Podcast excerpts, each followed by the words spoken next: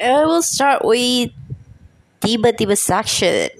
I don't know why I'm crying right now. I feel so miserable about my life. I'm very fucking sad. Yeah, maybe it's in impact because I wait for almost two and a half hours, and the class alone watching uh, a Modern Family a whole season, like one season actually. Just wait for the next class, and suddenly the lectures, know what, say there's no class because I'm gonna change that into another day in another time that we don't know because we have to discuss it first. I feel so terrible because I wait for so long to that class.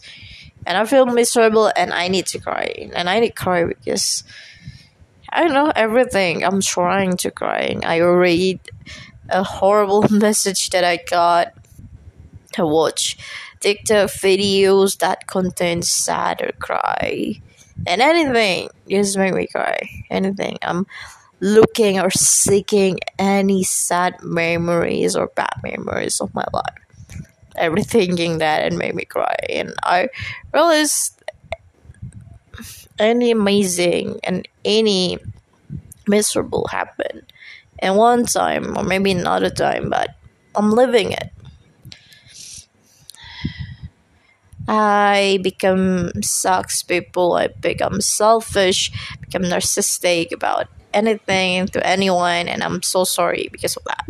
I'm so sorry that maybe I caused some, you know, bad impact to you. I'm really sorry. I never realized that things. And now I'm realizing I'm not that good. Yes, I'm not. I'm not really not. I'm so far away from good. Um, thank you so much for my parents, friends, and others.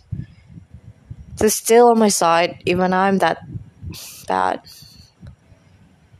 Thank you so much to still taking side with me. Thank you so much. And I love you. Hate you too.